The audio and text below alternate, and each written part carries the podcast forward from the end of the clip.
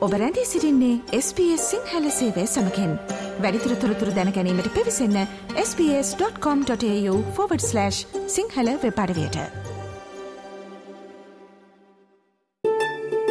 SBS World News ජාතික සහ අන්තර්ජාතිකව ඔබට වැදගත්වන ප්‍රවෘත්ති සැනින් සමීප කරයි.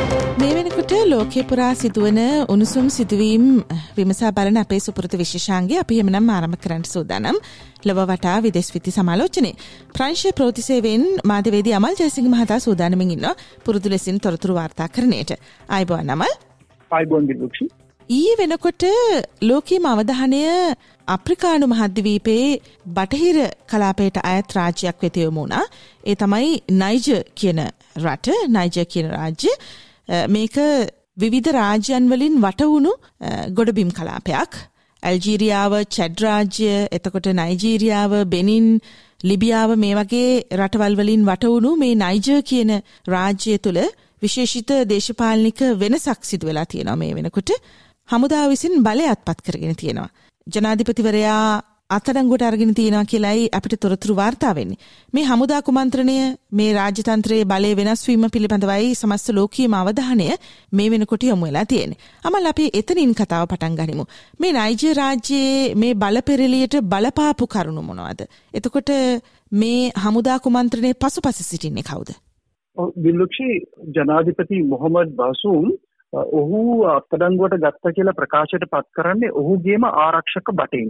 ජනාධිපති ආරක්ෂක කණ්ඩායම ජනාධිපතිවරයාව අත්අඩංගුවට අරගෙන රාජ්‍ය බලය ඔවුන්ගේ අතට ලබාගත්තයි කියලා ඔවුන් රජයේ රූපවාහිනී නාලිකාවකට ඇවිල්ලා මේ විදිහට ප්‍රකාශයට පත් කළා. ඉතින් මේකත් එක්කම තමයි නයිජ රාජ්‍යයේ පුරවැසියලුත් ඒ වගේම ලෝකයේ අනිකුත් අය දැනගත්තේ හමුදාව බලය අල්ලගෙනයි කියලා. ඉතින් නමුත් මේ වෙනකොට බසුම් ජනාධිපතිවරයා ට්විටර් පණිවිඩයක් මගින් සඳහන් කරලා තියෙනවා ඔහු තවමත් ඔහු තමයි නිත්‍යානුකූලව රටේ නායකයයි කියලා. නමුත් හමුදා ප්‍රධානීන් මේ වෙනකොට සඳහන් කරලා තියෙනවා ඔවුන් සම්පූර්ණ රජයේ සියලුම ආයතනවල ක්‍රියාකාරකම් දැන් අත්හිටවල දැන් රට තුළ හමුදා පාලනයක් ක්‍රියාත්මක වෙනවයි කියලා මේ වෙනකොට අවිනිශ්චිත තත්ත්වයක් තියෙනවා රට තුළ මේ පාලන තන්ත්‍රය ඇත්තටම කාගේ අතේද තියෙන්නේ කියලා.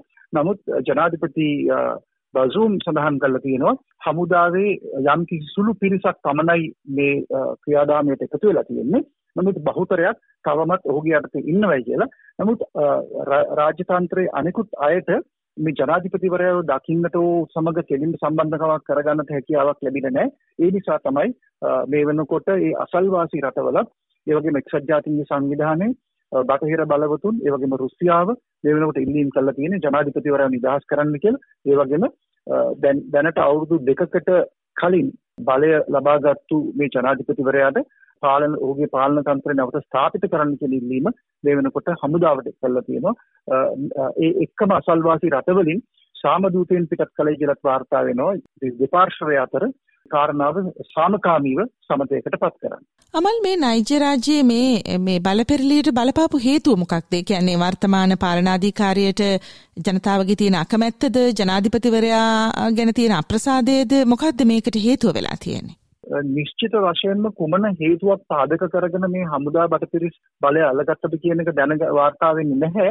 නමුත් හමුදාවේ යම්කිසි පිරිසක් ජනාධිපතිවරයාගේ ක්‍රියාකලාපයට අනුකූල නොවන සුළු පිරිසක් මේ හමුදා කුමන්ත්‍රණ මෙහෙවයි කියලායි වාර්තා වෙන්නේ. නමුත් අපි බැලුවොත් 1960ට පස්සේ නයිජර් රාජ්‍ය නිදහස ලැබුවට පස්සේ දිගින් දිගටම බොහෝ අවස්ථාවල මේ විදිහට හමුදාව බලය අල්ලගෙන තියෙනවා. දැනට අවුරුදු දෙකකට කලින් තමයි සාමකාමී විදිහට රටේ පාලන තන්ත්‍රය එක ජනාධිපතිවරයෙක්ගෙන් තවත් කෙනෙකුට මාරු වුණේ රටේ තිබිච්ච ඡන්දයකට පස්සේ. මේ රටට මේ රට තුළ හමුදා කුමන්ත්‍රණවල සෑහෙන ඉතිහාසයක් තියෙන නිසා මේ විදිහට මේ අවස්ථාවේදීත් ඒ විදිහේ හමුදාව අතුලෙන් ආපු පීඩනයක් නිසා මේ අලුත් බලපෙරළිය සිද්ධ වුණා කියලා තමයි දැනට අපිට දැනගන්න තියෙන්නේ. නමුත් මේකට පාදක වෙච්ච ආසන්නම කාරණාව සම්බන්ධයෙන් නිශ්චිත වශයෙන් දැනගන්න ලැබෙන්නේ නැහැ. අප්‍රිකානු කලාපය කෙරෙහි අවධානය යොමු වන නිසා අප්‍රිකාව කෙරෙහි රුසියාවේ යොමුණු අවධානය ගැනත් කතා බහ කරන්න කැමති. අපි පසුගිය සතියේදී මේ විශේෂාංගයෙන් ඔබට තොරතුරු හෙළිදරව් කළා. රුසියා යුක්්‍රේණ යුද්ධයේදී යුක්්‍රේණය නිෂ්පාධිත ධාන්‍ය අප්‍රිකානු කලාපය සහනෙකුත් මේ ධාන්‍ය අවැසි ආර්ථික වශයෙන් පීඩාවට පත්ව සිටින කලාපවලට ධාන්‍ය ප්‍රවාහනය කිරීම සඳහා රුසියාව දීලා තිබුණු එකඟතාව ඉවත් කරගන්නට රුසියාව කටයුතු කළයි කියලා. ඉතින් විශාල චෝදනාවක් රුසියාවට එල්ල වුණා. විශේෂයෙන්ම මේ කළු මුහුද හරහා යුක්්‍රේනය නිෂ්පාධිත දාන්නේ මේ අවසි කලාපවලට රැගෙනයාම සඳහා තිබුණු එකඟතාව රුසියාව විසින් ඉවත් කරගත්තට පස්සේ ඒකට හේතුවත් අපි පසුගේ සතිය සාකච්ඡාවත් සඳහන් කළා විශේෂයෙන්ම අර ක්‍රයිමියාව සම්බන්ධව ඒ අදාළ පාලමක් මූලික කරගෙන ප්‍රහාර එල්ල කිරීමට විරෝධය පළ කිරීම උදෙසා තමයි රුසියාව මේ තීරණය ගත්තේ කියලා අපි තොරතුරු හෙළිදරව් කළා. මේ සතිය වෙනකොට අමල් අපිට රුසියාවෙන් නම් නම්මශීලී ප්‍රතිපත්තියක් වාර්තා වෙනවා විශේෂයෙන්ම මේ ධාන්‍ය ප්‍රවාහනය සම්බන්ධයෙන්. රුසියාවේ මේ අලුත් තීරණය සම්බන්ධව මීළඟට මම කතා බහ කරන්න කැමතියි. ඔව් දිලිචි මෙතන කරන රුසියාව තවමත් එකඟ වෙලා නැහැ. ඔවුන් මේ කළු මුහුද පාවිච්චි කරලා යුක්‍රේනයේ ධාන්‍ය අනිකුත් රටවල් වලට යැවීම සම්බන්ධයෙන් ඒ රුසියාව පනවලා තියෙන තහංචි ඒ ආකාරයෙන්ම පවත්වාගෙන යනවා. නමුත් මෙතනදී පුටින් ජනාධිපතිවරයා සඳහන් කරලා තියෙනවා මේකෙන් පීඩාවට පත්වෙන අප්‍රිකානු රටවල් වලට නොමිලේ රුසියාවෙන් ඒ ධාන්‍ය වර්ග ලබා දෙන්නට. මේ විදිහට ටොන් 25000 ඉඳලා ටොන් 50000ක් විතර ප්‍රමාණයක ධාන්‍ය බොර්කිනෝ ෆාසෝ එතකොට සිම්බාබ්වේ මාලි සෝමාලියාව මධ්‍යම අප්‍රිකානු ජනරජය සහ එරිත්‍රියාව කියන රටවල් වලට නොමිලේ ධාන්‍ය ලබා දෙන්න පුටින් ජනාධිපතිවරයා ප්‍රතිඥාවක් දීලා තියෙනවා.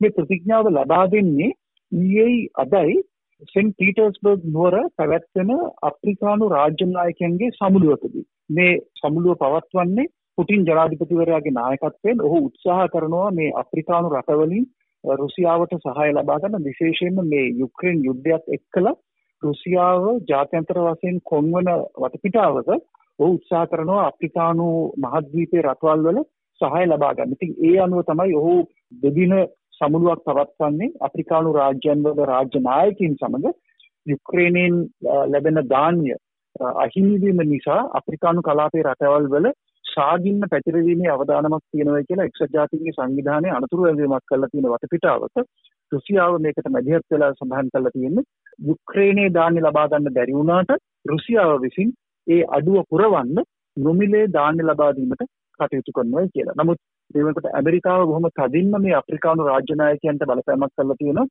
පුටින් ජනාධිපතිවරයාට බලපෑම් කරන්න කියලා මේ අවස්ථාවේදී තමන්ගේ රටවල්ට වලට මේ ධාන්‍ය ලබා ගන්න බැරි වෙන්නේ රුසියාවේ ක්‍රියාකලාපය නිසා ඒ එක්කම මේ යුක්‍රේන් යුද්ධය නිසා තමයි මේ වෙනකොට ලෝකයේ බොහෝ විට ආහාර මිල ඉහළ ගිහිල්ලා තියෙන්නේ මේ යුද්ධයේ ප්‍රතිඵලයක් නිසා කියලා. ඉතින් බටහිර බලවතුන් උත්සාහ කරනවා මේ අප්‍රිකානු සමුළුව තුළින් පුටින් ජනාධිපතිවරයාට බලපෑමක් කරන්නට නමුත් පුටින් ජනාධිපතිවරයා උත්සාහ කරනවා මේ අප්‍රිකානු රාජ්‍ය නායකයන්ගේ සහාය ලබාගෙන ජාත්‍යන්තර කොන්වීම නිසා ඔහුට අත්වලා තියෙන පාඩුව යම් විදියකින් මකා ගන්න මේ අප්‍රිකානු නායකයන්ගේ සහාය ලබා ගන්න.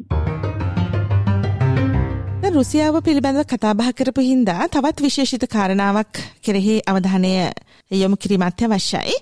ඒ තමයි රුසියාවේ ආරක්ෂක අමාත්‍යවරයා සර්ගෙයි ශොයිගු උතුරු කොරියාවට ගිහිල්ලා හිටියා.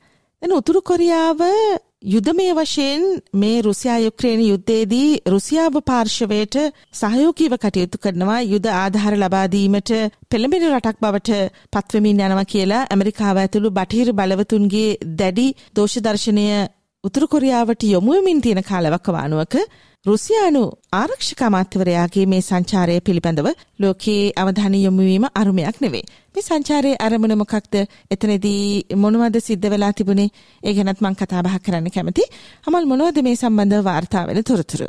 දිලුචි උතුරු කොරියාව ඔවුන්ගේ වාර්ෂිකව පවත්වන යුද උපකරණ ප්‍රදර්ශනයට විශේෂ අමුත්තෙක් හැටියට රුසියාවේ ආරක්ෂක ඇමතිවරයාට ආරාධනා කළා තිබුණා. ඉතින් මේ ආරක්ෂක ඇමතිවරයාට ඔවුන් පෙන්වලා තියෙනවා උතුරු කොරියාව විසින් නිෂ්පාදනය කරලා තියෙන මිසයිල්, ඒ වගේම ඩ්‍රෝන යාත්‍රා සහ අනිකුත් යුද උපකරණ. බොහෝ අය විශ්වාස කරනවා උතුරු කොරියාව මේ අවස්ථාවේදී මෙවැනි දෙයක් කරන්නට යොමු වෙන්නේ නැත්තේ දැනට රුසියාව විසින් යුක්‍රේනය කරන යුද්ධයේදී සාමාන්‍ය අවි ලබා ගැනීම සඳහා යම් කිසි විදිහකට උතුරු කොරියාව උත්සාහ කරනවාද කියලා තමන් නිෂ්පාදනය කරන අවි ආයුධ රුසියාවට ලබා දෙන්න. රුසියාවේ ආරක්ෂක ඇමතිවරයා පැමිණීම උතුරු කොරියාවටත් එක්තරා විදිහකට රාජතාන්ත්‍රික මට්ටමින් තමන්ගේ පිළිගැනීමක් තියෙන බව ප්‍රදර්ශනය කිරීමට අවස්ථාවක් හැටියට දක්වන්න පුළුවන්. මොකද උතුරු කොරියාවත් සමග ලෝකේ රටවල් ඉතාමත්ම අතලොස්සක් තමයි තානාපති සම්බන්ධකම් පවත්වන්නේ. ඉතින් මේ අවස්ථාවේදී රුසියාවටත් ඒ වගේම උතුරු කොරියාවටත් මේ ප්‍රදර්ශනය පැවැත්වීම තුළින් එකතකින් තමන්ගේ යුදමය ශක්තිය ප්‍රදර්ශනය කිරීමත් ඒ වගේම රුසියාවට මේ අවියායුධ අවශ්‍ය තියෙනවා නම් ඒ අවශ්‍යතාවය සම්පූර්ණ කරන්නට උතුරු කොරියාවට මේ හැකියාවක් තියෙනවයි කියන කාරණාව ලෝකයටම ප්‍රදර්ශනය කරන අවස්ථාවක් වුණා. මේක ඉතාමත්ම විරල අවස්ථාවක්. මොකද මේ පිළිබඳ වැඩි ප්‍රසිද්ධියක් උතුරු කොරියාවේ මාධ්‍ය විසින් ලබා දීලා තිබෙනවා. ප්‍රංශ ජනාධිපති එමනුවල් මැක්‍රෝන් ඔස්ට්‍රේලියාව අවට කලාපයට ඇවිල්ල හිටිය ඊයේ බ්‍රහස්පතින්ද. විශේෂයෙන්ම අපි දන්නවා මේ ඔස්ට්‍රේලියාව අවට තියෙන පුංචි දූපත් රාජ්‍යයන්. ටිමෝරය සොළමන් දූපත් වනවාටු පැපුවානියුගිනි මේ වගේ පුංචි පුංචි රටවල් වල බලය පතුරවන්නට රාජ්‍යයන් දෙකක් විශේෂයෙන් කටයුතු කරමින් ඉන්නවා. ඒ අතරට ඔස්ට්‍රේලියාවත් අයිති වෙනවා. අනිත් රට තමයි චීනය. ඔබ දන්නවා ඔස්ට්‍රේලියාවේ අගමැතිවරයා විදේශ අමාත්‍යවරයා පසුගිය කාලවකවානුවේදී ටිමෝරය සොලමන් දූපත්වල පැපුවානුගිනි වගේ රාජ්‍යයන් වලට ගිහිල්ලා යම් එකඟතාවන් වලට එළඹෙන්නට උත්සාහ දරුවා චීනයත් එම උත්සාහයම දරුවා ඒ විතරක් නෙමේ විශාල වශයෙන් චීනයේ මේ පුංචි දූපත් රාජ්‍යයන් වලට ණය ලබා දෙමින් ඉන්නවා. අපි දන්නවා චීනය විසින් මේ ණය ලබා දීමේ ක්‍රියාවලිය රටවල් යටත් කරගැනීමේ උපාය මාර්ගික ක්‍රමෝපායක් විදිහට අනුගමනය කරනවා ඇතැම් වෙලාවල් වලට. ඉතින් මේ සම්බන්ධව විශාල කතාබහක් තියෙන අතරවාරයේදී තමයි ඊයේ ප්‍රංශ ජනාධිපතිවරයා එමැනුවෙල් මැක්‍රෝන් ඇවිල්ලා ගියේ වනවාට දූපතට. ඉතින් ඔහු එහිදී යම් අදහසක් ප්‍රකාශ කරලා තිබුණා මල් මේ කුඩා රාජ්‍යයන් වලට මේ ඇතිවන බලපෑම පිළිබඳව. මම කැමති ටිකක් ඒ පිළිබඳව කතා බහ කරන්න ප්‍රංශ ජනාධිපතිවරයාගේ අභිප්‍රාය සහ ඔහු ඇයි මේ කලාපයේ කෙරෙහි මේ වෙනකොට විශේෂිත අවධානයක් යොමු කරලා තියෙන්නේ කියලා දැනගන්න. දිලුක්ෂ මේ මේ විදිහට ප්‍රංශ ජනාධිපතිවරයෙක් වනවතු රාජ්‍යයට යන ප්‍රථම අවස්ථාව හැටියට තමයි මේක සඳහන් වෙන්නේ. මෙතනදී මැක්‍රොන් ජනාධිපතිවරයා සඳහන් කරලා තියෙන මේ පැසිෆික් කලාපයේ නව අධිරාජ්‍යවාදයක් ක්‍රියාත්මක වෙනවයි කියලා. මෙතනදී ඔහු අදහස් කරලා තියෙන්නේ චීනය ඒකම ඇමරිකා එක්සත් ජනපදයක් දැන් බල පොරයක ඉවඳලා තියෙනවා මේ පැසිෆික් කලාපයේ තියෙන කුඩා දුප්පත් රාජ්‍යයන් වල සහාය ලබා ගැනීමට.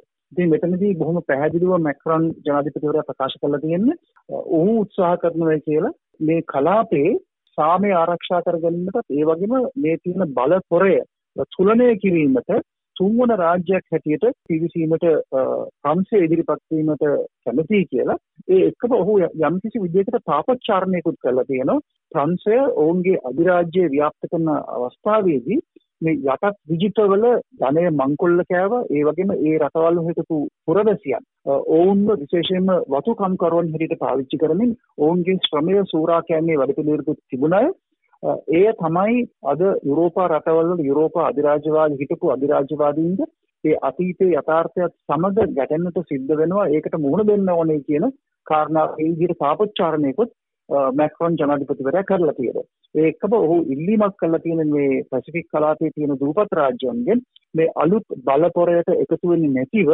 Taman ස්වාධීනව මේ ප්‍රදේශයේ සිටිය යුතුයි කියන කාරණාව ඔහු අවධාරණය කරලා තියෙනවා.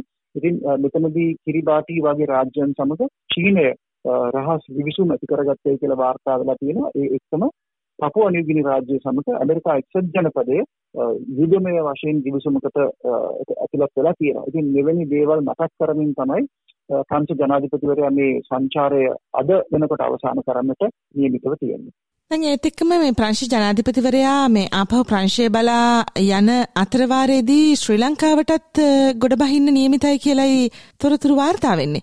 එතනදී යම් සාකච්ඡාවක් පැවැත්වීම හෝ නැත්නම් ජනාධිපතිවරයා අගමැතිවරයා හෝ වෙනත් රාජ්‍ය නායකයෙකු හමුවීමේ යම් සැලැස්මක් තියෙනවද?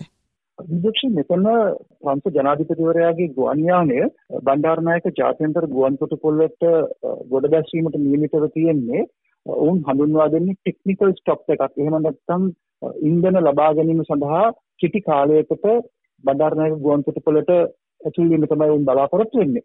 නමුත් මෙතනදී නිල වශයෙන් වැඩි සාකච්ඡාවක් වෙයි කියලා හිතන්න අමාරුයි. මොකද අපිට පංච ජනාධිපතිගේ නිල කාර්යාලයෙන් දැනගන්න තියෙන්නේ ඔහු ලංකාවේ ගත කරන කාලය පැයක් විතර වගේ ඉතාමත්ම සුළු කාලයක්. නමුත් ඒ සුළු කාලයේදී වුණත් ජනාධිපති රනිල් වික්‍රමසිංහ ඔහුව ගුවන්තොටුපළට ගොසින් විශේෂ අමුත්තගෙන මේ VVIP පරයන්තයේදී සංස ජනාධිපති ඒ වගේම රනිල් වික්‍රමසිංහ ජනාධිපතිවරයාත් මේ කෙටි කාලයක් තුළදී ගෝලීය ප්‍රශ්න ඒ වගේම කලාපයට බලපාන කාරණා සම්බන්ධයෙන් සාකච්ඡා කිරීමට නියමිතයි කියලා තමයි දැනට වාර්තා වෙන්නේ. හොඳ මල් අපේම නම් ස්තුතිය පලක්‍රමින් සමුතෙනවා යළිත් අපි ලබන සතිය සිකුරාදා හමුවමු මේ ලොව වටා විදෙස් විති සමාලෝචනයේති.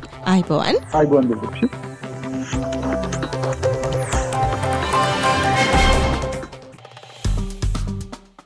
ලයි කරන්න ෂයා කරන්න අදහස් ප්‍රකාශ කරන්න SBS සිංහල ෆස්බුක් පිටුව ෆලෝ කරන්න.